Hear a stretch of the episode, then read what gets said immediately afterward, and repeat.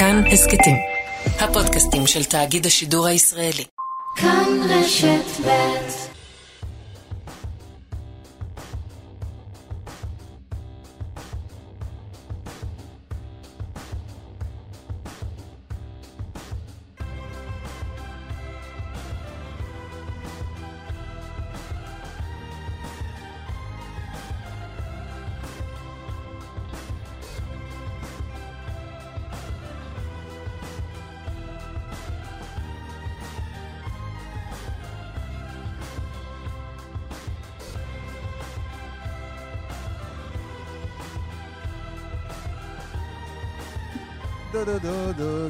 בוקר. טוב. מה נשמע? ברוך השם. כן? כן, ברוך השם טוב. איזה יופי. תמיד יש לאן לשאוף, אבל... אה, אבל לא הבוקר. לא, לא, תמיד. מה קורה? בסדר, סתם, רגיל. אמ, אני אוהב ימי הולדת, מאוד, מאוד. אוהב ימי הולדת, לא שלי.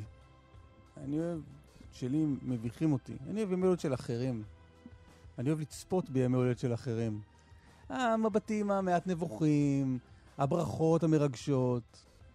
ובמיוחד אני אוהב ימי הולדת שבהם המברך הוא אה, בנימין נתניהו, כי הוא אחד שיודע יודע לברך. יודע לברך, יודע לדבר. כמה אנשים כבר, בכמה ימי הולדת כבר היית שבנימין נתניהו ואתה הוזמנתם אליהם? לא, לא, לא הוזמנתי לאף אירוע ש- שנתניהו בירך בו, אבל, אה, אבל אתה יודע, אם, אם אפשר לצפות באירוע כזה, אז תרשום אותי ואני אצפה. וכזה היה האירוע אתמול בכנסת, כשיושב ראש ש"ס אה, אריה דרעי חגג יום הולדת, וככה זה נשמע, קטע מהברכה של נתניהו. אז אריה, אני מאחל לך הרבה שנים של אה, התעצמות וחוזקה בין החברים הנפלאים שנמצאים כאן. אני לא אומר את זה מן השפה לחוץ. אמרתי שעוד לא פגשתי ש"סניק טיפש. עוד לא פגשתי. גם לא ליכודניק כמובן.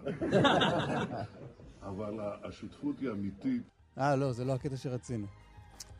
אה, טוב, בסדר. נראה לי זה מגיע שנייה כן, אחרי. כן, זה שנייה אחרי, זה מ-30 שניות וצפונה. אה, אז אני אספר לך מה הוא אמר, כן. בנימין נתניהו.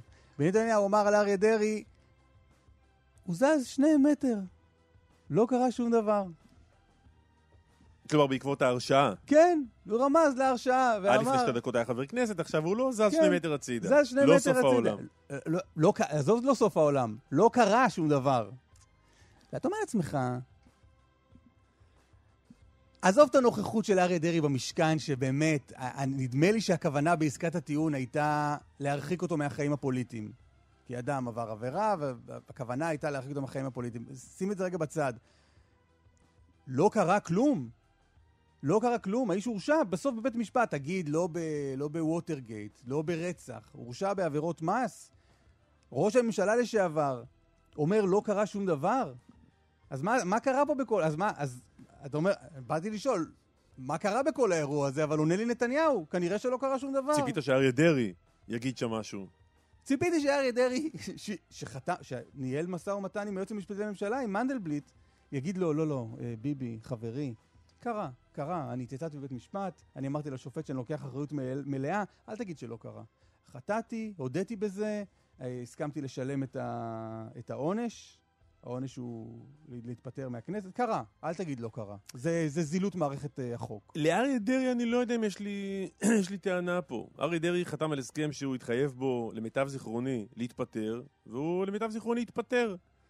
ומברכים אותו במזל טוב ביום הולדת ובשלל ברכות. לא חושב שהייתי מצפה ממנו לעצור ולהגיד, רגע, רגע, יש לי כמה הגהות על הברכות האלה. אני כן מתחבר אליך במקום של ראש הממשלה לשעבר. של איזה מין אמירה של, "זה, כן הורשעת, לא הורשעת, עזוב, זה לא קצת לפה, קצת לשם, בוא לא נעשה מזה סיפור גדול. אני רוצה, אבל אפשר רגע? אפשר? שנייה? קח את הזמן, אנחנו פה עוד עשר. אני רוצה לפנות מכאן אה, ל... למשנה ליועץ המשפטי לממשלה, לגיל לימון. אתה זוכר את האיש? כן, הוא התראיין ראיינו פה. אותו לא, לא מזמן, כן. הוא התראיין פה לפני אה, שבועיים, סוף, ממש ביום האחרון של ינואר זה היה. ינואר זה הלוח הלועזי. לעיתים אנשים... ינואר זה הווריאנט הקודם, לא? כן, כן, זה היה לפני שבועיים. וגיל לימון הסביר, היה הרבה ביקורת על סגירת התיקים לפוליטיקאים בכירים, אז הוא הסביר לנו, חלק מהאינטרס הציבורי קשור גם בהרחקה מהחיים הפוליטיים של מבצעי העבירות. אני רק רוצה לעדכן את גיל לימון שאותם פוליטיקאים בכירים, לפחות אחד מהם לא הורחק. טוב, מה, אין, בחיים אה, הציבוריים. אין בהסכם שהוא אמור אה, לצאת מבניין הכנסת ולא להיכנס אליו. אז כתוב להתפטר מהכנסת, הוא התפטר. אין בעיה. אז, אז גיל לימון ואנשי היועץ כנראה ניסחו לא טוב. אם זו הכוונה, הרי נכון, הוא עלה לשידור ואמר שזו הייתה הכוונה, שיורחקו מאחרים. עכשיו אני לא בא בטענות לאריה דרעי, אני בא בטענות למי שניסח את ההסכם מהצד השני. אם הכוונה הייתה שהוא יורחק מהחיים הציבוריים, מהחיים הפוליטיים זו הייתה ההגדרה, הרי שלא הורחק. יושב שם בכנסת, חוגג יום הולדת. אתה ואני לא יכולים לחגוג יום הולדת בכנסת, נכון? אה, אתה אולי כן, אתה יכניס אותך. קודם כל, אני נוהג לחגוג ימי הולדת בכנסת. כן, זה נכון. כל אחד והחברים שלו. לא, אבל לא, גם לא בחדר צדדי, אלא ממש במליאה עם עוגות ונרות. כן, אני... אה, לסכם את העניין הזה מהצד שלי. בוא נסכם, אה, בוא נסכם. עם דרעי אין לי פה בעיה. גם לא, אם לא עם מילוי חובתו לפי ההסכם הזה. כלומר, זה אם אתה מסתכל ברמה הצרה של ההסכם. אמרתם לי להתפטר מהכנסת, התפטרתי מהכנסת. לא אמרתם לא לבוא, זה לכהן. כמו שמישהו שולח אותך לשלוש שנים לכלא, אני לא יכול לצפות שתיכנס לשלוש וחצי, כי אתה צריך לקחת על עצמך באמת ממש את רגע, האווירה. אז אם הוא היה בממשלה עכשיו, הוא יוכל להישאר שר גם. לא. אם היה ממשלה, היו חותמים איתו על הסכם אחר. אה, אוקיי. כשהיה ממשלה הוא גם לא יכול להיות, כתב אישום וכל זה. אבל אה, פה, אבל פה, בקטע הזה של מילוי ההסכם, ה- ה- הניסוח, לא מהצד של דרעי כאמור, מהצד של היועץ. אני, אני יודע שלא לזה הם התכוונו. אחרי הוא עלה לשידור ואמרנו שלא לזה הוא התכוון. כן, נדמה לי שהוא גם אמר שימשיך לעמוד בראש ש"ס, או מה. אה, בסדר. אה, מזל טוב. ברור, כן, יש להם הולדת. רק שמחה ובריאות, עד או 120, אריכות ימים. עד 120. מה קורה בתוכנית? אנחנו נהיה עם עדכונים שוטפים uh, מאוקראינה. ה- הלילה עוד הזזת כוחות של הרוסים לכיוון uh, האוקראינים. כמה אפשר כבר להזיז, בלי לעבור את הקו? Uh, לא להזיז, uh, אתה צודק, אגב. Uh, עיבוי כוחות. הוסיפו עוד טנקים. עוד טנקים, אני אני עוד ראיתי את טנקים ה- את מה שקורה שם, כן. הכוחות נראים לי עבים. בלי קשר, ל- לא צריך לעבות. איתנו האסטרטג אה, הצבאי ללוחמה במזרח. אה, אירופה, קלמן קודם כל, אל שלום. תזלזל, בוא נגיד שהאסטרטגים האחרים שמדברים בימים האחרונים, אני לא בטוח שכולם מבינים יותר ממני, ואני מצהיר, אני לא מבין כלום. אבל... אה, עוד רגע, אז כן. דיווח מאוקראינה, וגם מה עושים היהודים שם. ולמה הם עוד שם, אגב? למה לא לבוא? אני מכיר, בואו, הקמנו מדינה. אני מכיר בואו לפה. מקום בטוח, נהדר, יפה, גם חמים יחסית בתקופה הזאת של השנה, ביחס למינוס משהו באוקראינה. אה, איך אמר אה, בזמנו אה, אריאל שרון ליהודי אה, בצרפת וחטף על הראש? בואו לישראל. אה, חשבתי שאתה אומר, בואו לשייח' ג'ראח, בטוח שם. איתמר בן גביר יגן עליכם. תבואו לפה. אם לא המשטרה. אה, אנחנו נדבר בעניין... נעסוק... זה יהיה בשעה הבאה, נכון? אה, קצת בענייני הרוגלות. כן. אה, אה, יהיה איתנו אדם שבקיא בכל הנושא הזה של לוחמת סייבר, בקיא מקרוב, לא יודע כמה הוא ירשה להגיד, שייתן פה את סימני השאלה שלו, ואו- ואולי אף בסופם סימני קריאה, למה אנחנו יודעים עד כה על פרשת המשטרה ו-NSO. יהיה מאוד מעניין. אגב, מעניין, לא יודע מה יש למאזינים שלנו בראש כשהם חושבים על העורך דין אביגדור פלדמן. אה, יש לו תפקיד בבצלם, נכון? הוא נשיא בצלם? הוא, לא זוכר. הוא מייצג, מוכר כאיש שמאל ומהקצה השמאלי של השמאל. אה, והנה אנחנו נדבר איתו לקראת אה, דיון אה, חשוב בערעור שהגיש עמירם בן אוליאל, הוא רוצח בני משפחת דוואבשה בכפר דומא ב-2015. הורשע במחוזי, ערער לעליון, בעליון מייצג אותו בין השאר גם אביגדור פלדמן. יפה, נהיה גם בבחריין יחד עם כתבתנו גילי כהן, ו... ועם כתבנו נפתלי בנט. היא נסעה איתו. כן, אבל אנחנו לא נהיה איתו. לא, היא בסדר. תהיה איתו. נכון, אבל הוא שם. הוא שם, ואם נפתלי בנט רוצה לעלות לשידור מבחריין, אה, אז אה, אם הוא לא אם הוא לא עולה לשידור מכאן, אז אולי מבחריין. נכון, נכון, אנחנו נשמח. עוד משהו, עוד מלא דברים. למה נפתלי בנט לא, לא מתראיין אצלנו? אני יודע. הוא התראיין מאז מונה לתפקיד. גם ברדיו? גם ברדיו, עשה יומני בוקר. כן? כן, תראה, התראיין אצל ארי גולן, בהחלט. אה, לא יודע. אולי משהו בנו לא בסדר. אז אולי, אולי לא נעשה שידור היום, ופשוט אה, ניקח את- את השעתיים האלה לחשבון נפש עמוק, לראות איפה שגינו? בוא נעשה מעשר חשבון נפש מעשר. ובינתיים נשדר. מעשר. יהודי דמארי אגסי עורכת, נדב רוזנצוויג ומאור גורן אה, על ההפקה, חיים זקן טכנאי השידור, איתי בלומנטל אה, הוא שליחנו לאוקראינה, שלום איתי. בוקר טוב, חברים. מה קורה הבוקר? אה, אסף ליברמן דיווח פה על עיבוי כוחות ליד הגבול. כן, נכון, טוב, אז אנחנו נמצאים אה, בקייב, צריך להגיד, יש אה, פער ענק בין מה שקורה בגבולות לבין מה שקורה כאן אה, בבירה האוקראינית. לפחות כרגע מזג האוויר קפוא, אבל כולם יוצאים כרגיל, לעבודה, ללימודים, הרחוב... אתה יודע, הפער בין מה שקורה בגבול לבין מה שקורה בקייב, זה שבגבול מדווחים על המלחמה, ובקייב מדווחים על מזג האוויר. תראה, בקייב מנסים, לא יודע, אה, לדו- להראות עסקים כרגיל, זה אנחנו רואים כבר מה- מההתחלה, אבל מה שקורה כרגע אה, בגבול, בגבול המזרחי, כמו שאמרתם, הרוסים אה, גם בסופו של דבר מעבים את הכוחות, אבל יותר מזה, עד עכשיו הכוחות הרוסיים היו מרוכזים במעין שטחי כינוס, ואתמול, לפחות על פי תמונות של לוויין, הכוחות החלו לנוע לעמדות תקיפה, ובנוסף גם קנים של משגרים של ארטילריה לטווח ארוך.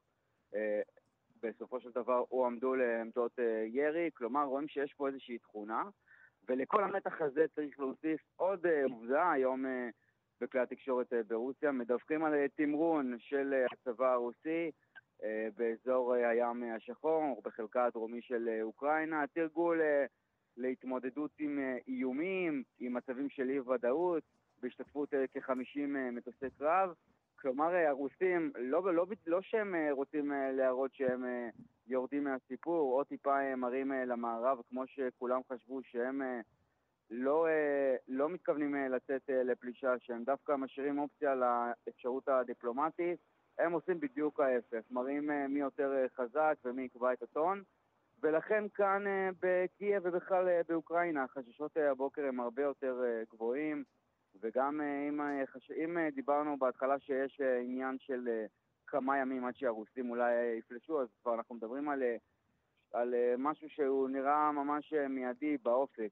החשש הזה גם מגיע אגב לשגרירות האמריקאית שמחליטה אתמול לפנות את השגרירות מקייב, להעביר אותה ללבוב, סמוך לגבול פולין. מה, מה האוקראינים? חושבים על זה?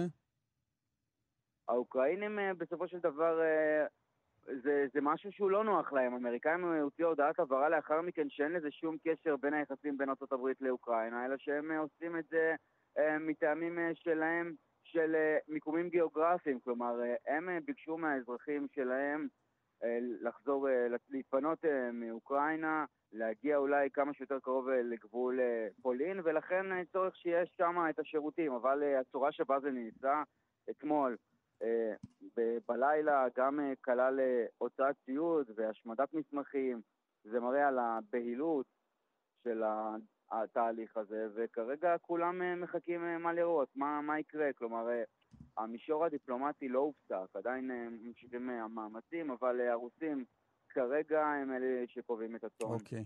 תודה, איתי. תודה. אני יכול לתת גם עדכון משלי? בטח. אני עוקב אה, בדריכות אחרי פרשת אה, אלינה פש. זוכר את אלינה פש? איזה זוכר, איזה שאלה. אלינה פש, הנה, גם אה, מיכל אה, יודעת במה מדובר, נכון מיכל?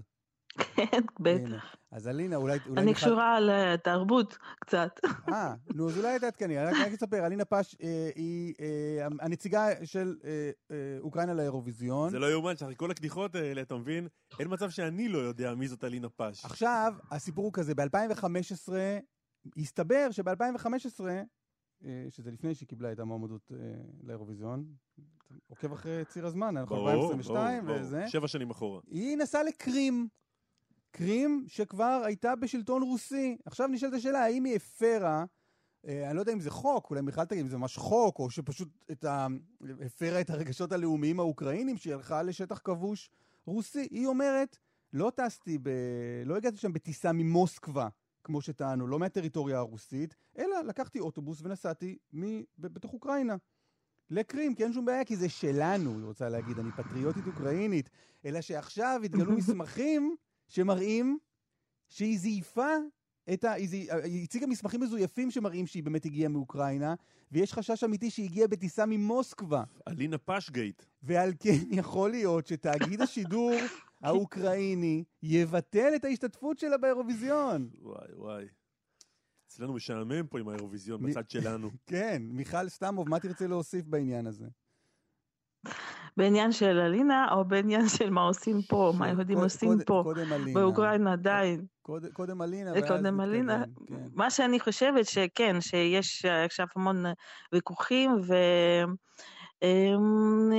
ואנשים אומרים שזה לא צורה שזה, היא לא יכולה להיות באירוויז'ן. יש המון גם בקייב, יש המון פטריוטים שאומרים שזה לא... אה, אנחנו צריכים מישהו יותר פטריוטי משל אלינה, אה, נציג אותך, ככה זה. נציג אותך, ואולי קלמן בטח יש לו הרבה שאלות על על הנושא הזה ועל הסיכויים של אוקראינה באירוויזיון השנה. אה, את אה, מנהלת את תנועת נוער אה, נועם, נוער מסורתי באוקראינה, כן, ותושבת קייב. כן, כן, כן, כן, ככה זה. ספרי קצת, ו- ספרי קצת, מיכל, מה מה את עושה, מה אתם עושים בימים האחרונים? אז קודם כל רציתי להגיד תודה על המצב רוח טוב שאתם מביאים מארץ וכל הצחוקים כאלה ושכולם כן דואגים אה, מה שקורה פה באוקראינה עם יהודים ומה שאנחנו עושים פה שכאילו אה, עכשיו מדברים עם אנשים שיש אנשים שהם כן דואגים ואנחנו גם אה, כמו אתם וכמו שגרירות שלנו, אנחנו מדמים שיש לנו ארץ, ארץ שכולם מחכים, שארץ של יהודים, שאם אנשים אה, פחדים להיות אה, עכשיו בזמן הלחוץ אה, כזה, אז אנחנו צריכים לעלות. ויש המון אנשים שהם כן פטריוטים, שיש להם או עסק, או נגיד יש אה, להם הורים זקנים, ויש כאילו, הם, הם לא יכולים לעלות עכשיו, אז הם נשארים שם בקייב, ויש גם כמה קהילות מסורתיות באוקראינה, זה גם באודסה, שממש קר... בים השחור. אמ, ובעלי רק ביקר לפני כמה ימים אודסה, באודסה כן, יש לכולם מצב, מצב רוח טוב והם לא מאמינים שיקרה. בעלך הוא ראש הקהילות אה, הקונסרבטיבי- הקונסרבטיביות באוקראינה. כן, כן, אמ, בעלי הוא רב, אה, איך אומרים, רב הקונסרבטיבי באוקראינה.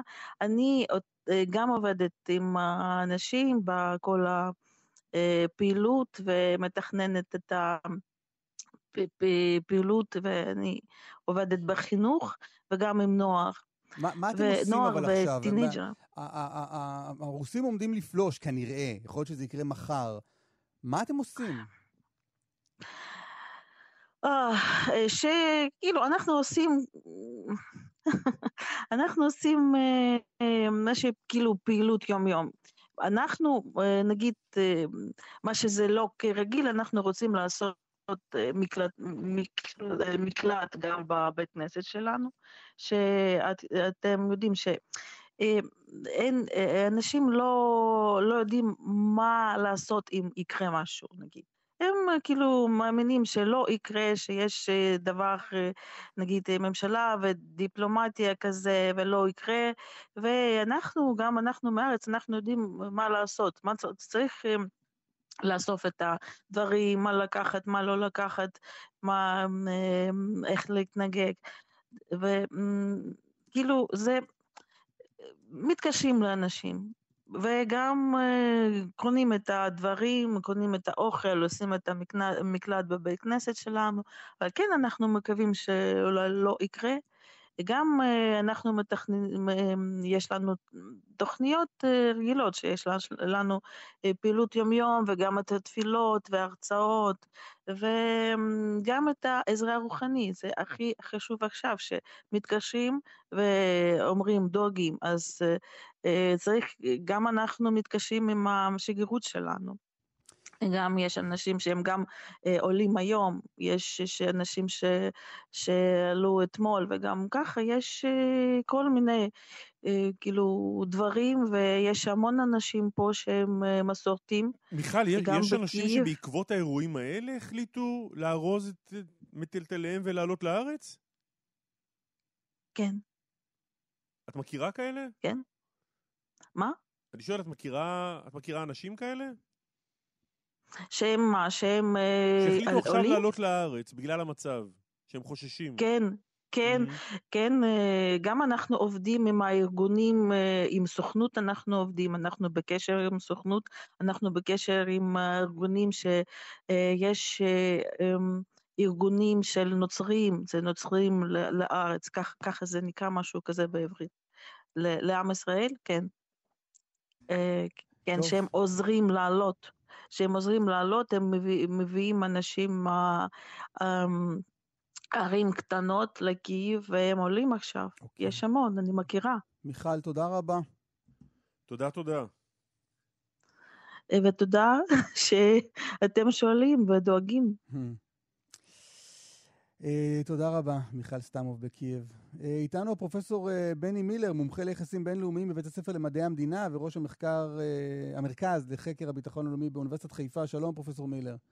שלום, בוקר, בוקר טוב. טוב. לאן אנחנו בוקר הולכים? טוב.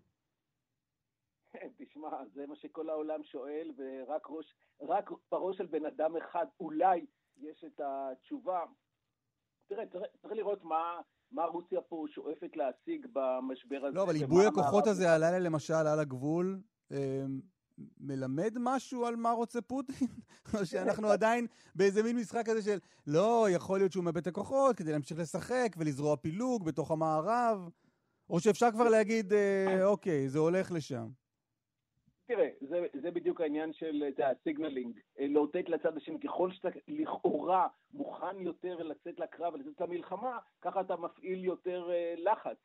אה, מהבחינה הזאת זה לא אומר סופית שההחלטה היא באמת להשתמש בכוח ולפלוש לאוקראינה, כי זה צעד מאוד דרמטי ומאוד לא פשוט עם השלכות מאוד גדולות לרוסיה, כמובן גם למערב ולעולם כולו. תראה, אה, מה שפוטין רוצה בעצם זה לבטל את הישגי המערב, ובראש ובראשונה של ארה"ב, אה, מאז תום המלחמה הקרה.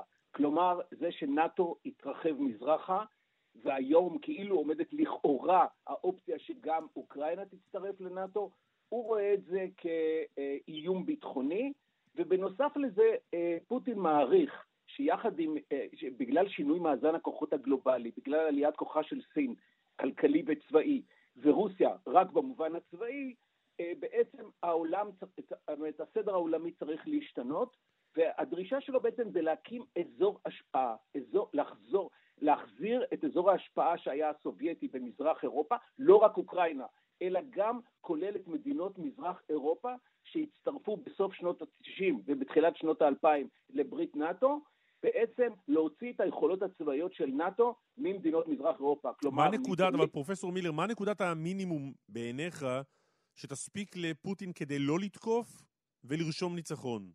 שאלה מצוינת. אני חושב, מה שנקרא פינלנדיזציה של אוקראינה. כלומר, אה, אותו סטטוס שהיה לפינלנד בזמן המלחמה הקרה. מה הסטטוס הזה? הסטטוס הזה היה שפינלנד שמרה על דמוקרטיה ועל משק חופשי בתוך הבית, אבל מדיניות החוץ שלה הייתה כפופה לחלוטין לברית המועצות. וזה גם גלש במידה מסוימת גם לפוליטיקה הפנימית, היא לא הייתה לגמרי, והפינים לא כך גאים אה, בעבר הזה, בזמן המלחמה הקרה. כלומר שאוקראינה אה, בעצם אה, לא תצטרף לברית נאט"ו ולא תצטרף למערב מבחינת אה, מדיניות החוץ שלה, אבל אה, תישאר מדינה עצמאית עם אה, מגבלות. זה המינימום של המינימום. אבל סביר להניח שזה גם, ש- שזה רק מינימום מאוד ראשוני מצד פוטין. פוטין בכלל לא מכיר בזכות ההגדרה העצמית של העם האוקראיני. בעיניו אין דבר כזה עם אוקראיני. אין אוקראינה. מה אתה אומר? אתה אומר אין אוקראינה. כן, בדיוק. הוא חושב שהכל זה חלק מרוסיה, גם היסטורית וגם דמוגרפית. היסטורית, בגלל שרוסיה במשך תקופות ארוכות בהיסטוריה שלטה אה, בחלקים גדולים של אה, אוקראינה של היום, כמובן גם של בלארוס, וגם מבחינה דמוגרפית, כלומר האוקראינים הם בעצם רוסים, הם אה, חלק מהעם הרוסי. תגיד רגע, ברמה הבינלאומית, מה עוצר את פוטין מפשוט לכבוש את אוקראינה? מה ש... קודם כל, בוא נאמר, נגיד מהבחינה המטריאלית הכי פשוטה, זה הנושא של הסנקציות הכלכליות. אה, המערב, אה, בראשותה של ארה"ב, ובייחוד אם כל מדינות אירופה מצטרפות לכך, זה בהחלט, הסנקציות הכלכליות יכולות מאוד להכאיב לפוטין, וגם כמובן גם במידה מסוימת לאיים, כמובן לא באופן מיידי, על השלטון הפנימי שלו, כי אם המצב הכלכלי ברוסיה יורע, זה בהחלט ישפיע גם על אה, יציבות המשטר שלו. Mm-hmm. כלומר, יש בכל זאת בידי המערב, וכמובן שמדובר על הצינור הנפט, ה-Nord Stream 2, כן? צינור הנפט מתחת לים הבלטי, שאמור להעביר גז מרוסיה לגרמניה, זה בונוס עצום ל- לרוסיה. אבל עכשיו ו... הוא במין מצב ביניים כזה שעדיין הסנקציות לא הוטלו, והוא עדיין לא נכנס פנימה. המצב הזה טוב לו? מצב הביניים הזה? לכאורה במובן הזה, תראה, יש גם שאיפה של סטטוס. מה שפוטין רוצה, שרוסיה תוכר כמעצמה גדולה. לאחר ההשפלה הגדולה בעיניו אה, מאז תום המלחמה הקרה, שרוסיה ירדה בעצם, כמו שהנשיא אובמה קרא לה, מעצמה אזורית ולא מעצמה גלובלית, עצם זה שכולם כאילו מחזרים אחריו, היום בא הקנצלר הגרמני אליו, אה, כמובן מקרון כבר היה, ו, אה, וכל, והמערב כל הזמן רוצה לדבר איתו וכל זה, זה בעיניו גם כן הישג חשוב. זאת אומרת, מבחינה זאת שצריך להתחשב בדעתו, שהוא בין הגדולים, שהוא במועדון שקובע את ההחלטות הגורליות של מה שקורה בעולם, זה כבר הישג בשבילו, כן? אז מבחינה זאת הוא, okay. הוא אוקיי. השיג את זה. אבל uh, הוא רוצה להמשיך, הוא רוצה לחדש את אזור ההשפעה. זאת אומרת, שוב, זה לא רק אוקראינה, זה גם פולין וצ'כיה וסלובקיה והונגריה, שהכוחות הצבאיים, היכולות הצבאיות של נאט"ו ממזרח אירופה, ייסוגו לאחור. פרופסור בני מילר. זה, זה יחזור להיות uh, אזור השפעה. תודה. המטרה שלו, היא, היא קודם כל, יש לו גם מטרה ביטחונית. יש לו, אני חושב שהוא והאליטה סביבו חוששים מאוד מההרחבה מזרחה של נאט"ו כאיום ביטחוני על רוסיה. גם אם אנחנו נפקפק בכך שזה איום ביטחוני... פרופסור בני מילר, אם מחר אנחנו מדברים, יש אה, פלישה רוסית? תשובה שכן או לא? תראה, שוב, זה רק... זה רק... אה, זה לא כן או לא. השאל, תראה, בוא, נרא, בוא נאמר, בוא ניתן לקנצלר הגרמני את האפשרות האחרונה, כיוון שקשרי הסחר טוב. אה, בין גרמניה ורוסיה... ניתן לקנצלר הגרמני, ואז... ראינו אותך או את הקנצלר הגרמני, בחרנו בך, ואולי טעינו. פרופסור בני מילר, תודה רבה. תודה רבה. תודה רבה לכם, תודה. אנחנו עוד מעט, אה, נדמה לי, משהו כמו שבע שנים מרצח אה, שלושת בני משפחת דוואבשה בכפר דומא. עמירם בן אוליאל הורשע ברצח השלושה ובעוד ניסיונות לרצח. בעוד כמה ימים יש אה, עוד דיון אה, בערעור שלו בבית המשפט העליון. ואחד מעורכי דינו של אה, אמיר בן אוליאל, אה, הרוצח, בדיון הזה, הוא העורך דין אביגדור פלדמן, שזה די מפתיע. אתה את עצמך למה זה די מפתיע. זה לא רק הרקורד שלו כאיש שמאל ואדם שמייצג ארגוני שמאל, אה, אלא גם בגלל דבריו שלו. לפני שנתיים או שלוש התראיין, התארח אצל רוני קובן בכאן 11, ונשאל שאלה מעניינת ונתן תשובה מעניינת. בוא נשמע רגע. תגיד, יש מישהו שתגיד לו לא, אותך אדוני אני לא מייצג? כן, יש אנשים, יש נושאים מסוימים, אני לא אייצג נער גבעות למשל, ששרף משפחה. אה, אני לא אייצג אנשים קיצוניים אה, לכיוון הימין, אני לא אייצג אנשים שמה שמדריך אותם זה שנאה של ערבים. עורך הדין אה, אביגדור פלדמן, פרקליטו, אחד מפרקליטיו של עמירם בן, עמירם בן אוליאל, שלום, בוקר טוב. בוקר מצוין. קטע מעניין, נכון? סליחה? קטע מעניין, הקטע ההוא מהתוכנית אצל רוני קובן. לגמרי, לגמרי, כל דבר הוא מעניין, נהיה יותר מעניין, בהחלט. רק אם יש לי בקשה שקצת תגדירו את הכל, כי אני בקושי שומע... אה, יש לנו את אותה בקשה כלפיך. אז כל אחד מאיתנו ינסה להגביר את הקול. אני ממש לא שומע מה, מה שאתה אומר. או-אה. או-אה. אה, אז מה נעשה? עכשיו אתה שומע אותי נגיד? אותך אני שומע יותר טוב. אה, אוקיי. אולי יש לך אוקיי. קול יותר טוב. יכול כן, להיות. כן, כן, זה נכון. להיות. בגלל זה אני גם משתכר פה יותר, בגלל הקול היותר טוב שלי. עורך דין פלדמן, מה השתנה? אז אני אסביר. אני בהחלט אה, מייצג את אה, בן אוליאל. אה, פנו אליי, ואחרי התלבטות לא ארוכה מדי, הסכמתי. הנושא של בן אוליאל הוא נושא של שימוש בעינויים בחקירה על ידי השב"כ. נושא שכבר אני עתרתי נגד השימוש בדוח ועדת לנדאו באמצעים המיוחדים, מי שעוד זוכר את התקופה הזו. הצלחתי גם uh, לקבל פסק דין שאסר על השב"כ להשתמש במה שהם קראו אז uh, לחץ פיזי מתון. והנה uh, מתברר שאחרי כך וכך שנים, ודי הרבה שנים, הלחץ הפיזי המתון uh, מרים את ראשו. והוא גם מסתבר לא כל כך מתון. הנושא הזה מעניין אותי. עכשיו, גם בתשובה לשאלה שלך, אני הצגתי גם אנשי חמאס, אנשי כאלה, אז מה, אני שייך לחמאס? אני מאמין אה, באמון ה... לא, רק לא, כשנשאלת את מי לא תייצג, לא השבת אנשי חמאס, השבת משהו נכון. שנראה די פרופיל, די פרופיל של עמירם בן אוליאל בתיק הזה.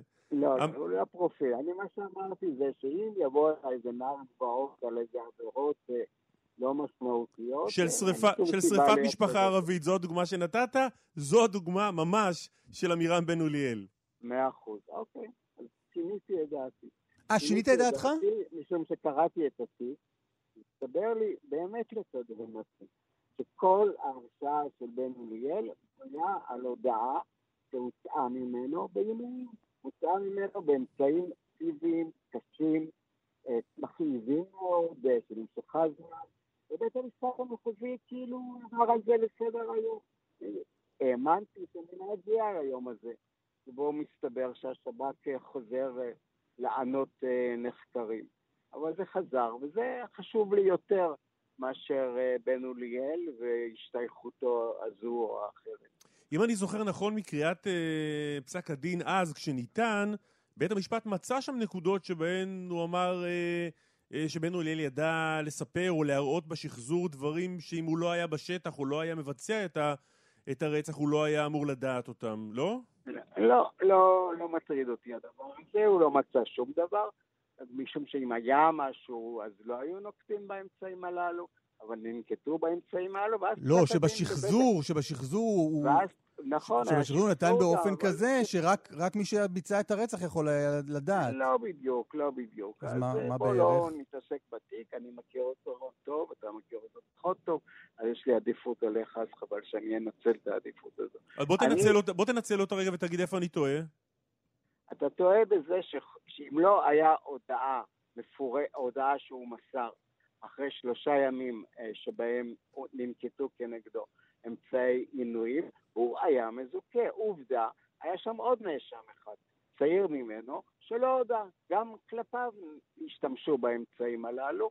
גם הוא, השב"כ היה בטוח שהם שניהם היו במקום, והוא לא הודה וזוכה. אבל אתה לא עונה לשאלה, אתה לא עונה לשאלה ש, שבאמת נמצאת בבסיס של מה שקלמן תיאר כאן. האם הוא מסר פרטים מוכמנים שלכאורה לא. הרוצח יכול לדעת? אתה אומר לא. התשובה היא לא, התשובה היא לא. תגיד, מה קרה שם, להבנתך? מה, מה, מה הגרסה הנוכחית של הלקוח שלך, או, או מה אתה מבין שקרה ברצח בדומא? אין לי גרסה של להמציא, להמציא מישהו שהוא זה שביצע את המעשה. ברור שמעשה בוצע, גם ברור uh, הכיוון של האנשים שביצעו את המעשה. האם עשה את זה הלקוח שלי בן אוליאל? אני לא יודע. אם הוא עשה את זה לבד, כמו שהוא אמר בשחזור שלו, אני גם לא בטוח, להפך. גם אנשי השב"כ אמרו שהם לא מאמינים לו בעניין הזה, שהם חושבים שהוא לא היה היחיד, שהבחור השני היה איתו, או אולי אחר היה איתו. אז כך שלהסתמך על הודעה שהוצאה בעינויים, זה עניין מאוד לא בטוח. לא, אבל אתם מציגים פה, אתם מציגים פה, אתם מציגים פה אפשרות, עורך דין פלדמן, אתם מציגים פה אפשרות חלופית, היה הרבה טענות אה, מצד המשפחה, מצד אנשי ימין, שהמקום, הבית הזה כבר הוצת פעם אחת, לא, לא, לא, בסכסוך בתוך לא, הכפר. אני לא מתעסק בזה. אה, אגב, מופיע איתי גם אה, יהושע רזניק, שהיה בפרקליטות המדינה, שגם הוא מופיע בתיק. הוא אולי יעסוק יותר בדברים הללו. הנושא היחיד שבו, שלקחתי על עצמי, הוא לטעון כנגד הודעה שהוצאה בעינויים. בית המשפט המחוזי, ברוב אה, מכובדותו, אמר שכן, עינו אותו לילה שלם, עינויים לא פשוטים אה, בכלל, לא רחל, לא לך ולא לי, ולא לחברך את הדברים הללו, אבל אמר בית המשפט, הנה עברו שלושה ימים, ואחרי שלושה ימים חזר אליו הרוצים החופשי, חי וחדש, כמו שהיה מן ההתחלה. זה דברים איומים ונוראים, משום שמי שעבר אה, עינויים, הכרתי כמה שעברו מהצד הזה, גם אה, הכרתי גם אנשים שעברו תהליכים אה, בשואה. לא, שוכח את זה עד יום מותו האחרון. העובדה שאדם שעומד מולו,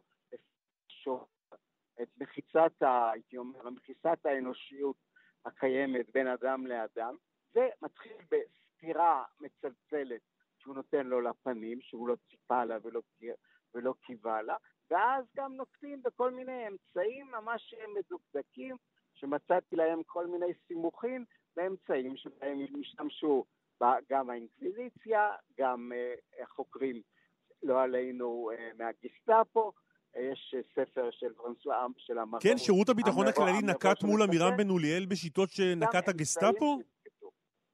אני לא שומע. אני שואל אם, אם אתה אומר ששירות הביטחון הכללי נקט בחקירתו של אה, עמירם בן אוליאל בשיטות שנקט בהם גם הגסטאפו? או, תשמע, אה, הוא נקט בשיטות שהמטרה שלהם הייתה לשבור אותו. כדי לשבור אותו, הוא החזיק מעמד ולא הודה תקופה די ממושכת, נדמה לי כ-20 יום בערך. כדי לשבור אותו, צריך היה להפעיל אמצעים שישברו את רוחו. ומה התכלית של ההשוואה? מה התכלית של ההשוואה לגסטאפו דווקא? אני לא שומע. מה התכלית של ההשוואה לגסטאפו דווקא? אני מצטער, אבל אני באמת לא שומע. טוב, אנחנו נראה, נסיים את השיחה. עורך דין אביגדור פלדמן, תודה רבה. תודה, תודה רבה לך. תודה לכם, יום טוב, יום מצוין. גילי כהן, כתבתנו מדינית, שלום. שלום, שלום. איפה אנחנו תופסים אותך הבוקר? במלון ארבעה עונות אה, בבחריין. אה, אנחנו מפריעים לך. ארבע? אנחנו מפריעים לך בחופשתך בבחריין. אני לא ישנתי פה, לא, לא, אתם חייבים להבין. לא שיש לי תלונות על המלון שהלנתי בו. את קיבלת רק שלוש עונות. מוטל, שלחו אותך לאיזה מוטל דרכים ישן. אני הייתי בקיץ.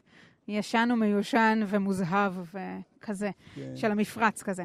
אה, לא, זה המלון שראש הממשלה ישן בו, אה, ובו כעת, בזמן שאנחנו מדברים, מתקיימת אה, פגישה עם מפקד הצי החמישי, אדמירל ברד, ברד קופר, שנמצא כאן, הגיע למלונו של ראש הממשלה לפגוש אותו. לא הצי החמישי של בחריין. לא, לא, הצי החמישי האמריקני, כן, שהבסיס כן. הגדול ביותר, שאם תרצה, נקודת החזית של אה, ארצות הברית מול איראן, נמצא כאן, שוכן כאן, בבחריין, אה, ומפקד אה, הצי הגיע לכאן לפגוש את ראש הממשלה. עוד בערך חצי שעה אמורה להיות פגישה מורחבת של כמה שרים מממשלת בחריין, שר החוץ, שרי הכלכלה, שרים נוספים מהממשלה המקומית שמגיעים לכאן. אה, לפגוש את ראש הממשלה, ובשעה 12 שעוני, שזה אומר 11, 11 שעונכם, אם אינני טועה, פגישה עם אה, יורש העצר וראש הממשלה הבחרייני. אה, זה בגדול, הלו"ז עצמו כולל הרבה פגישות כאלה, מעונבות, המלך, מלך בחריין, יורש העצר ואותם שרים כמו שאמרנו. בבוקר הייתה פגישה מעניינת עם ראשי הקהילה היהודית, כי יש קהילה יהודית בבחריין, מרביתם אגב הגיעו לבחריין מעיראק. לא קהילה גדולה למדי, אבל בכל זאת, מבחינתם לארח uh, בפעם הראשונה את ראש הממשלה בצורה כזו או אחרת uh, זה הישג. אבל בתכלס מדברים בחדר, למרות uh, שבחוץ ידברו בעיקר על טכנולוגיה ועל שיתופי פעולה בין המדינות ועל דברים ריקים, בחדר מדברים בעיקר על איראן, חשש משותף גם של ישראל, גם של בחריין. את uh, יכולה קצת לספר על uh, התרשמותך מהמדינה הזו עד כה? אז מה... קודם כל, uh, זה הביקור השני שלי בבחריין. הייתי בבחריין ב-2019, עוד לפני הנורמליזציה. עוד לפני שזה היה מיינסטרים.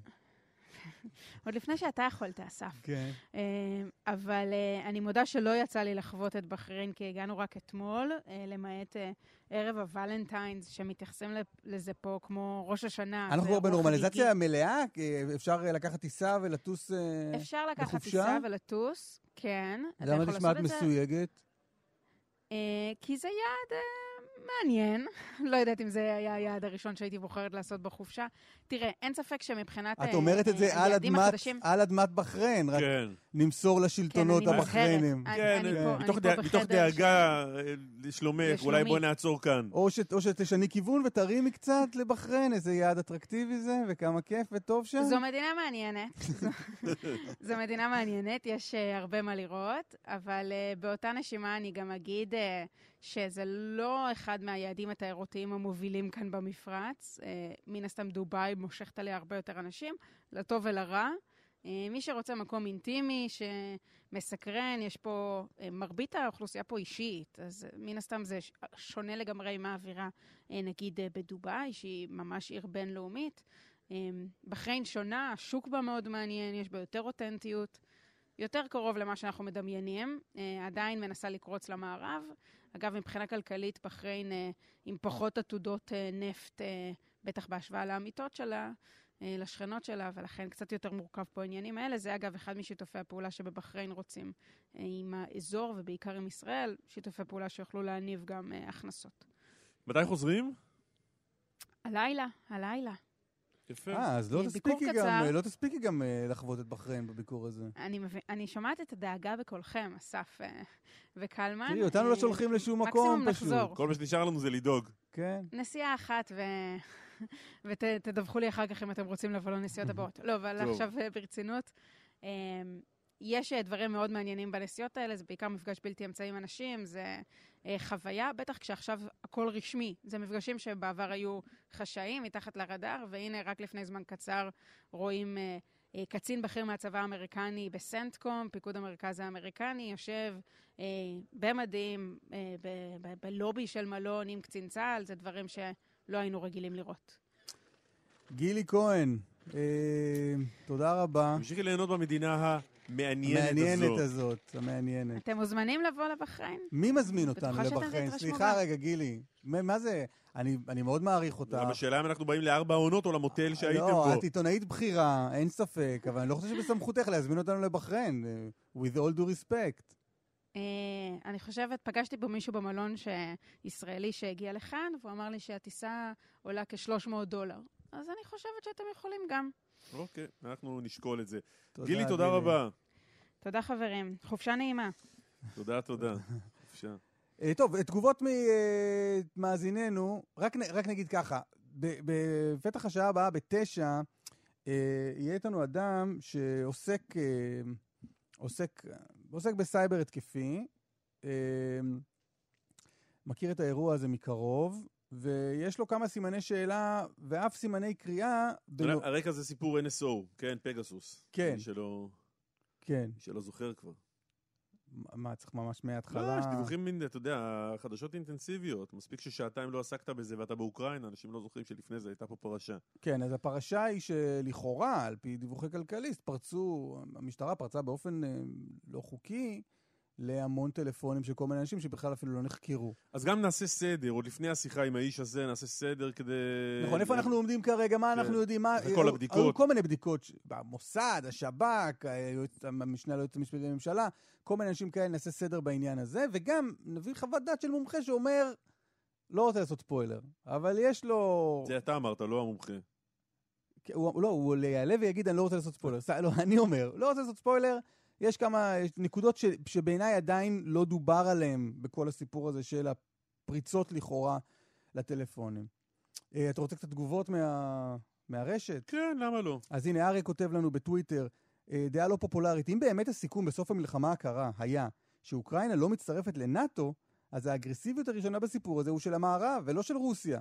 במצב זה אפשר להבין לגמרי למה פוטין עושה שרירים, ואגב, עד עכשיו לדעתי הוא מצליח להראות שהמערב לא באמת רוצה את אוקראינה. אתה מבין? זו דעה שאנחנו תמיד לוקחים את הצד האוקראיני, אבל בוא, בוא. אפשר גם uh, לראות איך פוטין הוא המסכן בסיפור הזה, אם רק מתאמצים, מתאמצים מאוד. מאוד. Uh, הרבה מאוד תגובות ממאזיננו, יותר מתגובה אחת, על השיחה עם העורך דין אביגדור פלדמן, ולכאורה השמיעה הסלקטיבית של השאלות. כלומר, שמע שאמרנו לו שלום, שמע שאמרנו לו להתראות, לא שמע באמצע שאלה על הגסטאפו. אה, כן. אמ, אני רוצה להגיד עוד דברים. יש פה ניתוח, יש לנו מאזינים, תשמע, ברמה כל כך גבוהה. אלי זוסמן למשל, אמ, מציג את כל, לא את כל, אבל מציג את מערך הכוחות הרוסי אה, שם בגבול עם, אה, עם אוקראינה. ועדן מחמיא או מחמיאה לך, הקלמן פעם שנייה שאומרים לך ששאלת שאלה מצוינת, אתה הולך ומשתפר. כל הכבוד, קלמן. זה היה מרגש. אה, מי זה היה? פרופסור בני מילר. אני רוצה לפתוח פה תיבת פנדורה, כיוון שהמרואיין הראשון שלנו בשעה הזאת קצת מתעכב. תיבת פנדורה? פנדורה. הייתי עכשיו בפינת הקפה. עכשיו, בתאגיד יש uh, מהלך מבורך, אני כבר מדגיש, מבורך, כדי לשמור על הכדור של כולנו, אין יותר חד פעמי. אין כוסות חד פעמיות. עכשיו אני, כמו שאתה רואה פה, ואני יכול גם להציג למצלמה, רואים אותי? אה, אני, אני אוחז בכוס טרמית, רב פעמית. כן. אה, אני מביא מהבית, ואני שוטף, ואני משתמש שוב. זה, זה אפילו ממותג כאן, אפשר לראות, יש מיתוג של כאן. מה הבעיה? שלדאבון לב לא כולם כמוני. מכה שניחתה על האנוש. והכיור מלא. הכיור מלא מלא מלא בכוסות. אנשים לא שוטפים את הכוסות שלהם. עכשיו, אני תוהה, אולי גם נשאל את המאזינים, איך זה אצלם? איך זה אצלם? הרי צריך uh, להפחית את השימוש בחד פעמי, אין ספק. אני מסתייג מהמהלך המבורך. בעיניי הוא לא מבורך.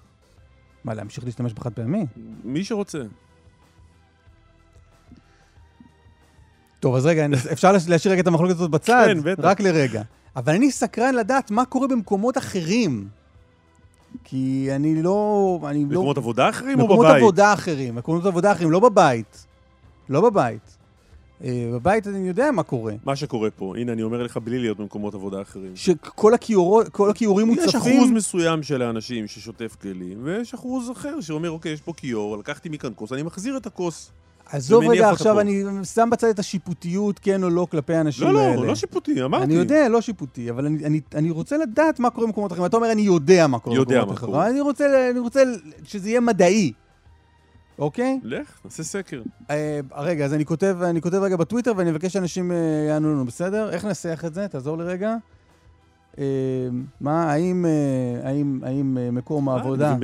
שלכם צמצם את השימוש בכלים חד פעמיים? ואם כן, איך הכיור... איך הכיור שלכם נראה. אפשר גם לשלוח בטוויטר אה, או בטלגרם אה, תמונות של הכיור. אגב, לי יש תמונות של הכיורים בתאגיד. אני מצלם לפעמים. כן? כן, כן. לא זוכר אם שם, שמור אצלי, אבל אני מצלם מדי פעם אה, את התמונות של הכיורים המלאים. טוב, אה... אז הנה צייצתי, ואם לא, לא ניתן את זה היום, אנחנו נקריא את התמונות הנבחרות, ואם לא, אם לא היום אז מחר, אבל uh, אנחנו נטפל באירוע הזה כי הוא מעניין בעיניי. טוב. אבישי גרינצייג, גלובס, שלום. שלום, שלום. מה קורה העניינים? במערכת בגלובס מבחינת השימוש בכלים חד פעמיים? לדאבון ליבי עברנו לרב פעמי. אה, זה מה יש, אני ממש מציל את האנושות. ואיך נראה הכיור בגלובס? סך הכל נקי, אם יורשה לי להחמיא בפרסום סמוי פה. הודות למי? הודות uh, לעובדי הניקיון של גלובס או הודות, לה, הודות לעובדים המסורים הודות של גלובס? לציבור אה, העיתונאים שלא בוחל בסבון ומים, ואפילו סקוץ', ושוטף ביסודיות כל כוס, ובמסירות, כמו שהוא כותב כתבה, בודק, בוחן. זה נשמע כמו דף מסרים ששלחו אותך לא, מהעיתון לא, להקריא אותו. תמצמץ פעמיים אם המולית מחזיקה לך. אקדח לרקה. וחזקת הנקיות. טוב. יפה. תגיד, אה, אתה ממשיך לשאול אותו שאלות אחרי השקרים האלה שהוא מפזר כאן? כן, מה בוא נלך אל השקר הבא. מה שווה האמינות שלו? לא, להפך, הוא אומר את זה בכזה ביטחון. בוא נלך אל השקרים הבאים. אה, אבישי, לא, לא הייתה כוס חד פעמית, כי אין כוס חד פעמית. אה, בוא תעשה לנו רגע סדר בשלל הבדיקות שנערכו עד כה, ומה בפרשת, הפרשה מכונה פגסוס, למרות שלא בטוח שזה פגסוס, מה אנחנו יודעים עד עכשיו מהבדיקות האלה? של המשטרה, של הפרקליטות, של, של כולם. אנחנו יודעים בעצם שהיו עד כה שלוש בדיקות, אני אחדש לכם שכרגע כבר נעשית הבדיקה הרביעית אה, בעצם של אה, צוות מררי. אה, הבדיקה הראשונה הייתה בדיקה פנימית של המשטרה, שמצאה את אותה חריגה אצל פילבר, שאומנם קיבלו צו יחסית אה, מורחב, שאנחנו מכירים שמאזינים, אה, המשטרה מקבלת צו שמאפשר להאזין לבן אדם, פה קיבלו צו יותר מורחב, שמאפשר לא רק ל- אה, להאזין לבן אדם, אלא גם לקרוא אה, אס.אם.אסים, וואטסאפים, אה, מיילים שלו. והמשטרה, כדי לעשות את זה, היא השתמשה בתוכנה באמת של NSO, גם שאבה את, הת... את ה... כל התכנים של הטלפון, מה שזה לא הותר לה על פי הצו, כי הצו אפשר לה רק אה, אונליין, בזמן אמת, לראות מה פילבר כותב ומה הוא שולח, מה הוא מקבל, אבל לא אה, לקבל תכנים שנכתבו בעבר. אה, על פי הבדיקה, לא נעשה שימוש באותו אה, חומר ותוכן שנשאב. אז זו הבדיקה אה, הראשונה, אחר כך הייתה לנו אה, בדיקה נוספת, ומצאה בעצם את אותו עיקרון, אה, זה היה גם את אה, איריס אה, אלוביץ' שנעשה ניסיון לחדור לטלפון שלה על פי צו ולא הצליחו. אה, יש עוד אה, גורמים שנעשו אה, ניסיונות, אבל לא מצאנו את הטענות הקשות של אה, כלכליסט בעצם, שהיה אה, פישינג בלי צו נגד אה, ראשי ערים, נגד מנכ"לי משרדי ממשלה, לא, לא מצאו שום דבר כזה. לאחרונה ממש נעשתה בדיקה שלישית, שלא לא דרך המשטרה, אלא דרך בעצם מאגר נתונים של NSO. לראות בעצם במה שנקרא לוגים, ברישום פעולות, איזה פעולות נעשו כלפי הגורמים הרלוונטיים, שזה משהו שאי אפשר למחוק ואי אפשר אי אפשר לזייף, גם לא נמצא אה, בידיים של המשטרה כדי שהיא תבדוק. ולא מצאו, בעצם לא מצאו לגבי אה, קרן טרנר, לגבי אמי פלמור, לגבי שי בעבד, אה, לא מצאו שום האזנה שנעשתה כלפיהם, שום חדירה. אבל אז מה זה? הייתה את, ה, את הבדיקה של אותה חברה פרטית, שכאילו לא קשורה לאירוע הזה, שבדקה את הטלפונים של שי בעבד וקרן טרנר, ומצאה שממש עד לאחרונה, לכאורה, אני לא יודע לא אפילו איך להגדיר את זה, ריגלו אחרי הטלפון. כן, אני חייב לומר שזה בעיניי די משונה, אה, הנקודה הזאת. גם החברה, היא אומרת שזה זה לא רמת ודאות של 100%, אני לא, לא בקיא ברמת המימונות של החברה, אבל זה כן מוזר, זאת אומרת שמה שאני יודע, NSO לא משאירה עקבות. זאת אומרת, אה, אם אה, המשטרה חדרה לתוך הטלפון, אתה לא תראה את זה בטלפון של, אה, של הלקוח. אה, לכן זה משונה, גם, מה גם שאתה יודע, שי בעבד, מי ירצה לרגל גם אחריו, גם אחרי אה, קרן טרנר, גם אחרי אמי פלמור, אה, גורם שהוא לא משטרתי, אה, נשמע משונה, ובעצם הריגול לא, הזה... לא, אבל מה אתה אומר, שהמציאו את הבדיקה הזו? לא יודע, אני רק אומר שזה נשמע משונה ומוזר, התוצאה הזאת. אתה יודע, לפעמים יכול להיות שבן אדם מוריד איזה משחק... לא, אגב, יכול להיות שלא אותו גורם האזין לכולם. מישהו אחד התעניין באמי פלמור, ומישהו אחר התעניין בשי בעבד. ובמקרה שלושתם הוזכרו בכתבה של אה, תומר גנון. אתה יודע, זה נשמע כבר אה, קונספירציה, קונספירציה, קונספירציה. אה, אבל מהבחינה הזאת, בעצם הרישום פעולות הוא משהו, לכאורה הוא ראייה שאי אפשר לזייף אותה. זאת אומרת, אם לא נעשו פעולות, אז לא נעשו. זאת אומרת, אם, אם היה משהו, היית, היית צריך לראות את זה בלוגים של, של מאגר הנתונים. שלמשטרה עצמה אין אה, אפשרות להיכנס לזה לבד בלי אישור של NSO, זה כמו מפתח כפול שיש אחד למשטרה ואחד ל-NSO, וככה בעצם נעשתה הבדיקה, ועכשיו אה, נעשית בדיקה... אז מה זה הבדיקה הרביעית? זה בעצם בדיקה על בדיקה על בדיקה, בעצם לוודא ש... שוב, אני של, לא של ראיתי מי, בעצם... של מי אבל הפעם? של, ששוב, של השב"כ, שבעצם הגורמים המקצועיים בצוות מררי של השב"כ ושל המוסד, אה, שוב, אני כמובן לא ראיתי בעצמי, לא, לא בדקתי, עד, יש לי, אמנם אני שוטף אה, כוסות, אבל uh, בודק uh, ריגול אני עדיין לא. אבל אבישי, צריך בוא רגע להפריד בין שני עניינים. גם, שתי... אני, רק אני אגיד עוד נקודה אחת, בעצם היה גם פרסום אתמול על זה שהשתמשו ברוגלה נגד uh, ארי הרו, עד המדינה uh, נגד נתניהו, על הסיפור של uh, תיק 2000, שיחות נתניהו מוזס. זה לא יודע מאיפה זה, מאיפה זה מגיע, לכאורה לא נעשה אה, שימוש כזה. אבישי? כן, אני שומע. אה. כן, לא, התחלתי להגיד, יש פה שתי סוגיות שצריך להפריד ביניהן. אחת היא, אה, האם הפרסום בכלכליסט נכון, כלומר, האם השתילו רוגלה אצל אמי פלמור ו- ושי בבט ואבנר נתניהו וכל השמות האלה, חלקם הזכרת. שאלה שנייה, שיכול להיות שתעלה כאן מהבדיקה הזו שבלי קשר לרשימת השמות הזו ובלי קשר לפרסום של כלכליסט הייתה חריגה מצווי האזנה שזה דבר לא חוקי אצל הרבה מאוד אנשים אבל לא, זה לא הסיפור של כלכליסט. אז אני חושב שאתה צודק בעצם במובן הזה שאין ספק שהמשטרה קיבלה צווים לא קשור דווקא לשמות שהוזכרו אבל פילבר נניח כן הוזכר וזה נכון, זאת אומרת המשטרה קיבלה צו מסוים והיא פירשה אותו באופן שאני לא כל כך מבין איך אפשר בכלל לפרש אותו ככה, שהיא שאבה את התכנים גם אחורה אומנם לא עשתה בזה שימוש לטענתה, שוב אני אומר, לטענתה לא עשתה בזה שימוש, אבל היא כן שאבה את החומר. אבל זה פילבר, אני שואל לגבי הדיווח נכון, שהיה כאילו יש עשרות אחרים. נכון, נכון, נכון, היו אה, עשרות אחרים בעצם כשהמשטרה אה, חדרה על הטלפון באמצעות אותה תוכנה של NSO, אז בעצם כדי למצוא את הוואטסאפים, אה, לראות מה נכתב, היא בעצם גם נכנסת תוך התכנים אחורה. לטענתה אין אפשרות אחרת, וזה מותר לה. מי אלה העשרות האלה? אה, יכול להיות שאני ואתה, אם, אם יתקבל צו כזה מבית המשפט. אה, צריך לומר, המשטרה אה, טוענת שזה היה מותר לה על פי חוק, משרד המשפטים לא מקבל את זה בכלל, אומרת שזה היה חריגה מהצו, וברור שאין היתר לעיין, לא רק לעיין, לשאוב גם את התוכן אחורה. אז אני שואל עוד פעם, יכול להיות שאנחנו מסיימים, נסיים את האירוע הזה עם פרשה גדולה וחמורה, אבל לא הפרשה שאיתה התחלנו? אני חושב שכן. בעצם מה שאנחנו התחלנו זה עם פישינג, זאת אומרת, אין צווים, המשטרה אה, בודקת, בואו נראה, מעניין מה קורה אצל אה, אמי פלמור, בואו מעניין מה קורה, היא מדברת עם עיתונאים, או קרן טרנר, מעניין מה, מה הולך שם, אם מדליפים חומרים או משהו כזה. לפחות, אני אומר, על פי הבדיקות המקצועיות, אין לנו משהו אחר כדי, כדי לבדוק את זה, אז זה לכאורה לא קרה ולא התרחש על ידי אה, משטרת ישראל, אבל כן, בהחלט, אה, מתוך... כן, שימוש לא נאות בצווים שכן התקבלו, אבל כל מה שבאמת זעזע את הציבור, שוב, אני לא אומר שכל, שכל מה שנשארנו איתו, לכאורה, הוא לא חמור, אבל כל מה שבאמת זעזע את הציבור, אנשים שלא קשורים לכלום, גם פעילי המחאה שלא הייתה נגדם חקירה, וגם, אה, כאמור, מנכ"לי משרדי הממשלה.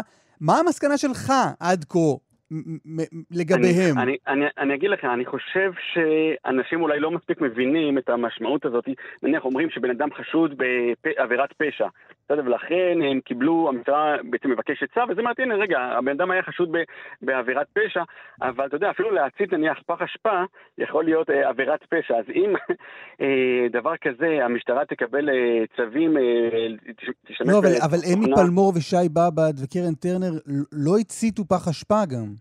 לכאורה. נכון, אבל זה, אני, כמובן לכאורה. לא, גם לכאורה הם לא יצאו, גם, גם לא היה לכאורה נגדם. לא.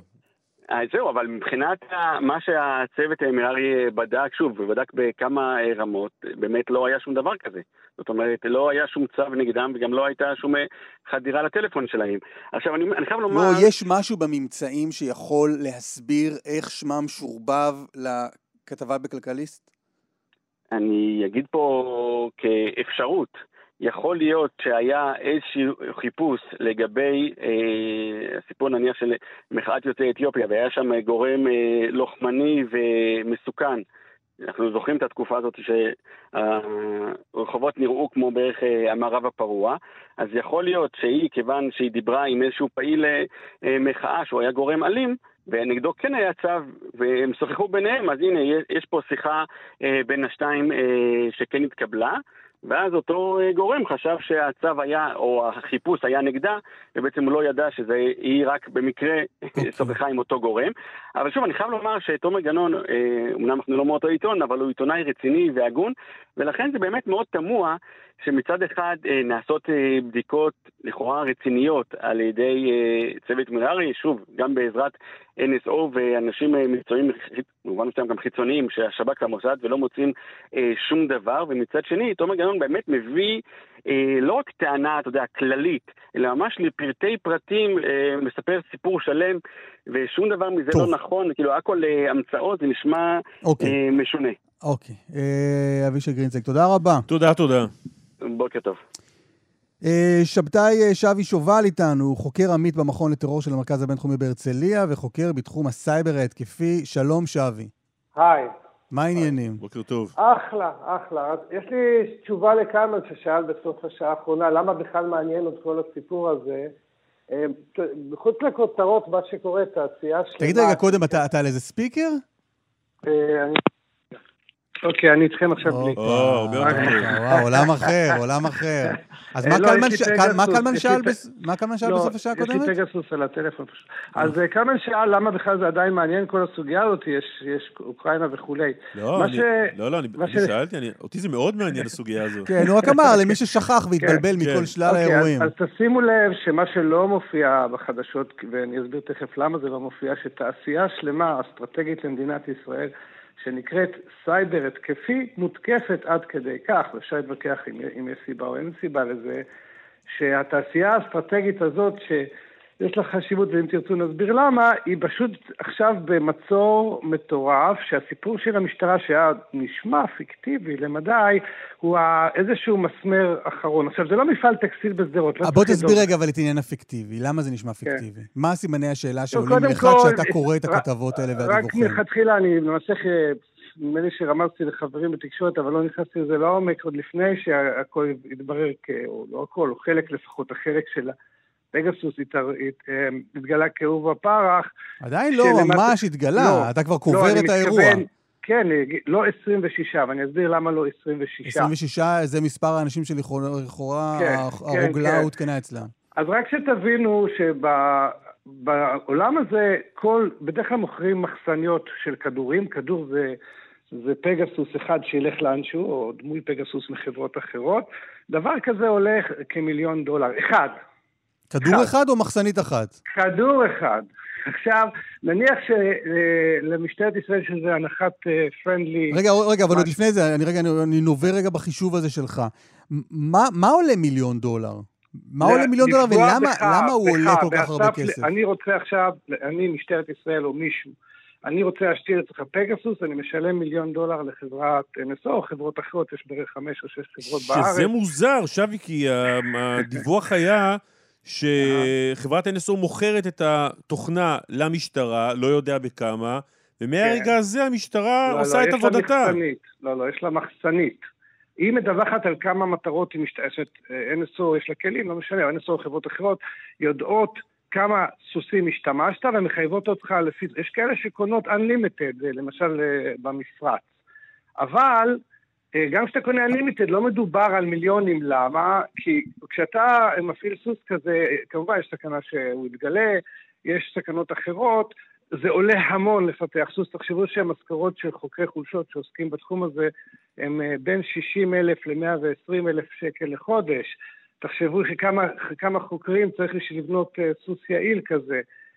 רבותיי, אין מקרה שמפעילים 26 סוסים אה, סתם ככה בשביל הכיף על הדרך, ועזבו צווים וזה, אני לא עוסק בכלל בצד המשפטי ועל ההשלכות החוקתיות וכולי.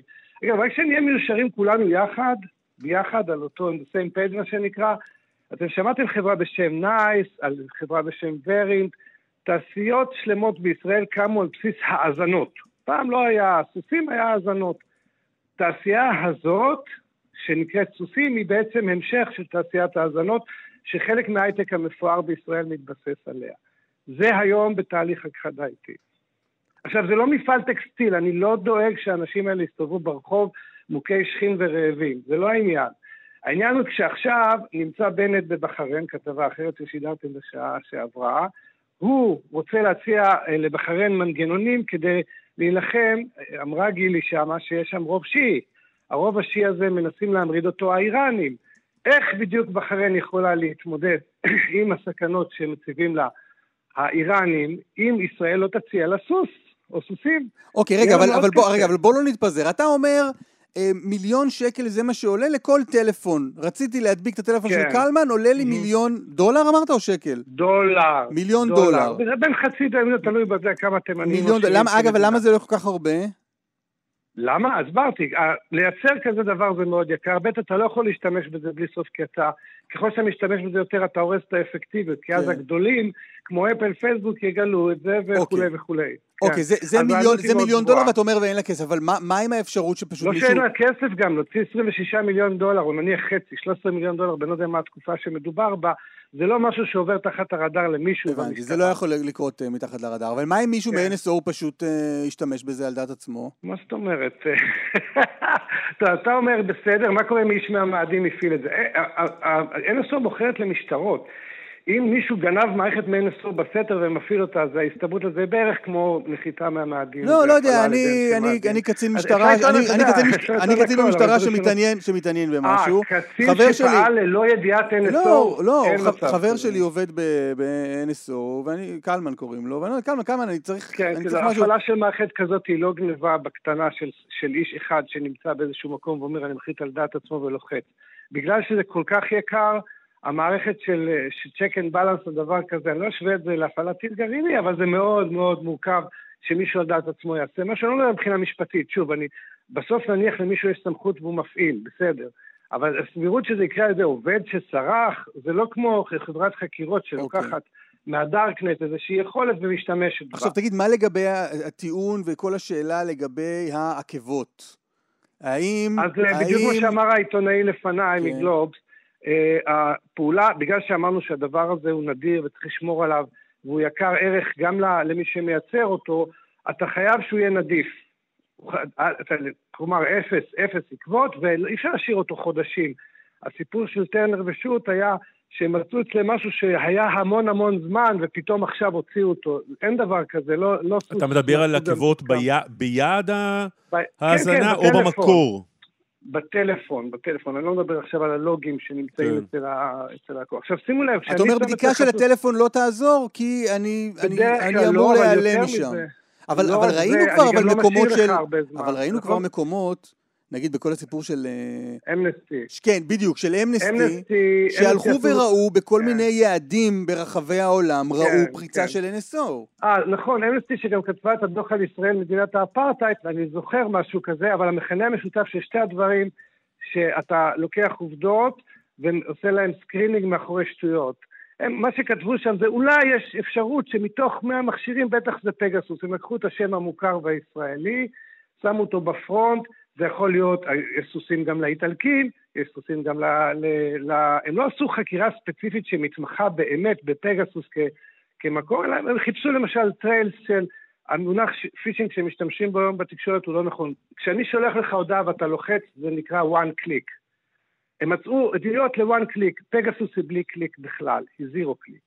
זה מה שאגב הופך אותה למאוד אטרקטיבית. כלומר שאני לא, צריך, אה, לא צריך להקליק ללחוץ. על שום דבר, ללחוץ על שום נכון. דבר כדי נכון. להידבק בתוכנה. נכון, ולכן פגס, הסיכוי שהם באמת עלו על פגסוס נשמע לי קטן, וגם אם הם עלו, הם, הם אמרו בעצמם בדוח, אם אתה קורא את האותיות הקטנות, יש אפשרות שבאמת, תוך 100 מכשירים, רבים מהמכשירים הם מכשירים שפגסוס פגע בהם. זה מין assumption על assumption, אפרטהייד במדינת ישראל, אותו דבר בערך, באותה רמה של מובהקות. אבל, למה אני בכלל טורח לדבר איתכם? הרי סך הכל, אה, אתה יודע, כבר מיצינו את הנושא, אז לא, מסתבר שאתם לא ערים לזה, אבל משרד הביטחון מאחורי הקלעים עצר את מרבית הפעולה בתחום הזה, התעשייה הזאת. עכשיו, למה זה חשוב? כי לא רק שבלי לעשות התקפה אתה לא יודע לייצר הגנה, ולא רק זה שהמוסד, השב"כ 8200 כבר לא יכולים לבד להכיל את כל המאמצות, הם צריכים תעשייה פרטית תומכת, ממש כמו שצריך את אלביט בתחום הנשק ואת רפאל. לא רק זה וזה, אלא גם פשוט משרד הביטחון, בגלל הלחץ האמריקאי, ובמיוחד אחרי הפרשייה של המשטרה, כל כך לחוץ בלא לאפשר לעשות עסקים, שהתעשייה הזאת היא אה, ממש בדעיכה. תגיד, אני, אני חוזר, רגע, חוזר רגע אחורה למשהו ששמעתי הרבה ממרואיינים בשבועיים האחרונים. אה. הרבה אנשים מספרים, אה, שמתי לב למשהו מוזר שקרה לי בטלפון, הסוללה פתאום נגמרה לי מהר, הפייסבוק שלי עבר מעברית לרוסית.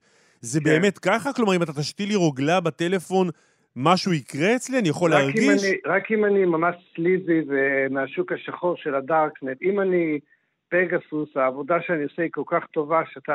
אם אתה מזהה דברים כאלה, אז או שאין לך כלום, או שיש לך תקלה, או שזה מישהו ממש... בקיצור, הכל קשקוש. כל הרעיונות האלה שמעתי מאנשים שמספרים... מה זה קשקוש? התושבים בצפון אמרו שהם שומעים מנהרות של החיזבאללה. בסוף היה מנהרות, אבל זה שהם שמעו קולות, לא היה סביר שזה מאותן מנהרות שהיו בעומק whatever של אה, מטרים מתחת לאדמה. אז אין קשר בין העדויות לכאורה, ההיסטריה... אתה אגב, אומר, בכלל... הבחור עבר לו מרוסית לעברית, אבל זה לא קשור לפגסוס. כן, עכשיו אתה יודע, גם אפשר להגיד שהקורונה היא חלק מהפגסוס. לא כל הצרות נובעות בעולם, נובעות מ-NSO ומהסייבר התקפי. יש צרות שלא קשורות, אוקראינה. אוקיי, אה, שבי שובל, תודה רבה. תודה רבה לך, תודה. יאללה, ביי ביי. להתראות. טוב. מה טוב? אומנאים? אמ, רגע, אני רוצה לתת לך קצת uh, תגובות על uh, צמצום הכלים החד פעמיים במקומות העבודה, בסדר? בטח. בעבודה יש חד פעמי, כותב בנימין. Uh, בבית כוסות חרסינה וזכוכית השטיפה שייכת לאשתי בגלל שהחליקו לי בטעות. זה כבר נכנסנו ליחסים פנים... Uh, כן, בוא נעצור פה. כן. סיוון כותבת, האמת שמעולם לא היה אצלנו שימוש בחד פעמי, לכל אחד יש את הספל שלו והכיור לרוב ריק. מי שלא ישטוף לעצמו את הספל יישאר בלי כוס קפה. אה, לכל אחד יש את זה שלו. כן. אה, מישהו ש... יוסי נדמה לי, הכיור נקי בדרך כלל חוץ מבין 12 ל-2 בערך, שבו הכיור מטונף, כי הניקוז של הכיור פשוט מטומטם, ואלה ששטפו לא ממש מבינים את זה. תראה איזה ציוץ שמסלים לאט-לאט לכדי זעם. זעם כלפי הניקוז של הכיור. הניקוז המטומטם, ואנשים שלא מבינים את זה. אה, גילי כותב או כותבת, האמת כבר מזמן, אין כלים בכיור, אנשים ממושמעים בסך הכל. מי שממשיך להשתמש, מביא לעצמו. אה, עוד מישהו כותב, לא ביטלו אבל צמצמו, ושולח תמונה של כיור נקי וריק. וגם... תמונה שהוא הוריד מגוגל. לא, וגם יואב, יואב שולח תמונה יותר אמינה. יואב אה, אוריון. שולח תמונה של כיור אה, ריק מכלים, עם כפית אחת, ויש אה, לכלוך של, לכלוך של קפה בתוך הכיור. כלומר, לתמונה כזאת אני יכול להאמין. רפאל שולח תמונה של... אה, אה, במשרדים בהייטק לא השתנה כלום, כך הוא כותב. אה, תמונה של אה, ערימות של כלים חד פעמיים מכל הסוגים, מכל המינים ומכל הצבעים. אה, ארז שולח אה, תמונה של אה, מטבח נקי ממועצה אזורית יואב. יפה מאוד. קראתי בגלות בחבל בנימין כותב, מי זוכר מתי הייתי במשרד פעם אחרונה? מתי מה? הייתי במשרד בפעם האחרונה. אה, חשבתי מתי שטפתי כלים בפעם האחרונה.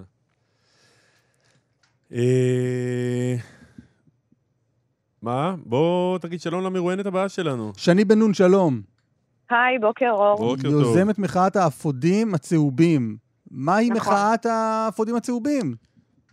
אז מחאת האפודים הצהובים בעצם התחילה בצרפת באמירה מאוד מאוד ברורה שהיינו שקופים, היום אנחנו כבר לא. אה, מחאת האפודים הצהובים קמה אה, בשבועות האחרונים עקב אה, עליית מחירים בצורה פסיכית, גזרות כלכליות שכל אחד ואחת מאיתנו מרגיש את זה טוב טוב מאוד בכיס, במיוחד השכבות החלשות, ואנחנו כאן להגיד די, אי אפשר שממשלת ישראל כל פעם תאריך את העט שלה עוד ועוד לכיס הישראלי בלי תחושת שובע.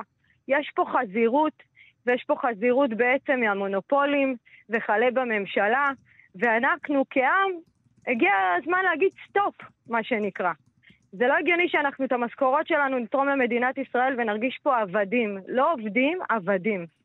מה, מה, אבל מה, אמרת פה הרבה מאוד דברים, כלומר, כיוונת למונופולים, כיוונת למדינה, בואי בוא, בוא נכון. ננסה רגע לפרק את זה.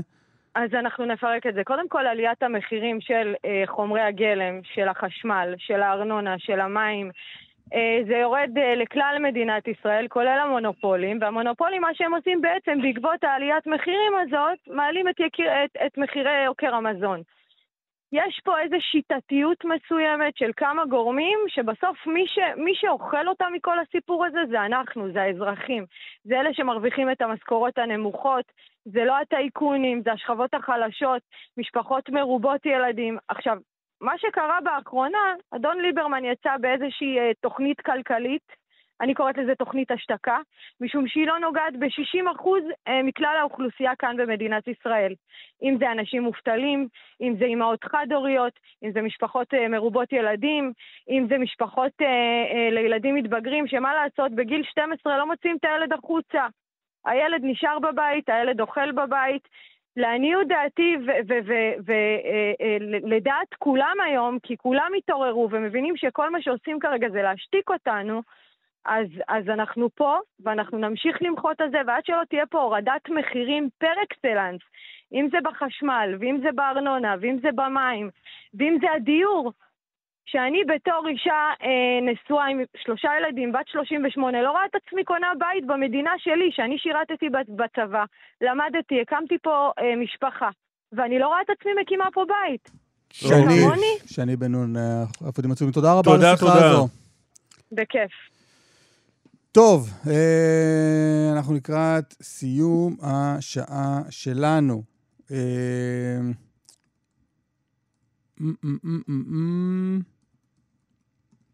איך אצלך בבית יש כלים חד פעמיים? לא. זה מדיח, או אתה שוטף, או... יש מדיח. זה בסדר, אני כבר לא יודע מה מותר. מותר מדיח. כן, אם כי זה מזהם. סתם. יש מדיח כלים. כן. לא, אבל אני חושב שבבית זה פחות. אנשים משתמשים בחד פעמים בבית. אני לא מדבר עכשיו על משפחות החרדיות וכל הדיון ההוא.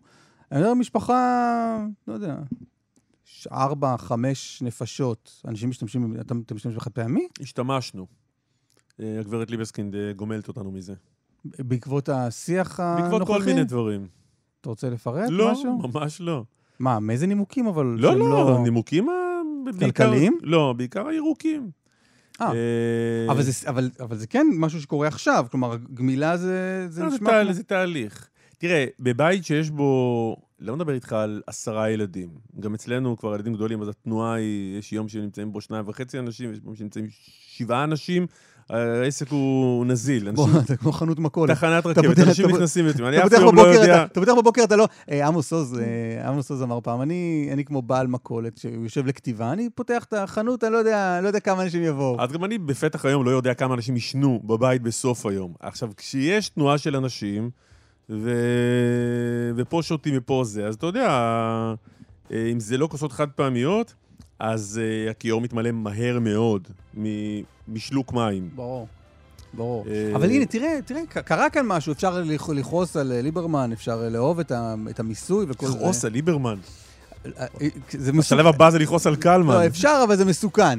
Uh, אבל הנה, קרה משהו, יש שיח לפחות סביב הנושא הזה, ואנשים אומרים, אוקיי, אם אני יכול לצמצם את השימוש בחד פעמי, אז אני אעשה את זה. כן, חלק השיח הוא שיח שזה עולה הרבה כסף. לגמרי, לכן אני אומר, אפשר למתוח ביקורת וזה, אבל משהו נעשה כאן מבחינת uh, שיח ציבורי. יהודית אמרי אגסי ערכה, נדב רוזנצוויג ומור גורן הפיקו, חיים זקן על הביצוע הטכני, אהוד כהן על דיווחי התנועה. קלמן, יש לנו עוד עשר שניות, אפשר לנצל אותם לדברים מדהימים. מה, מה תרצה להגיד לאומה? בבקשה. אסף ליברמן, תודה רבה. קלמן ליבסקין, להתראות.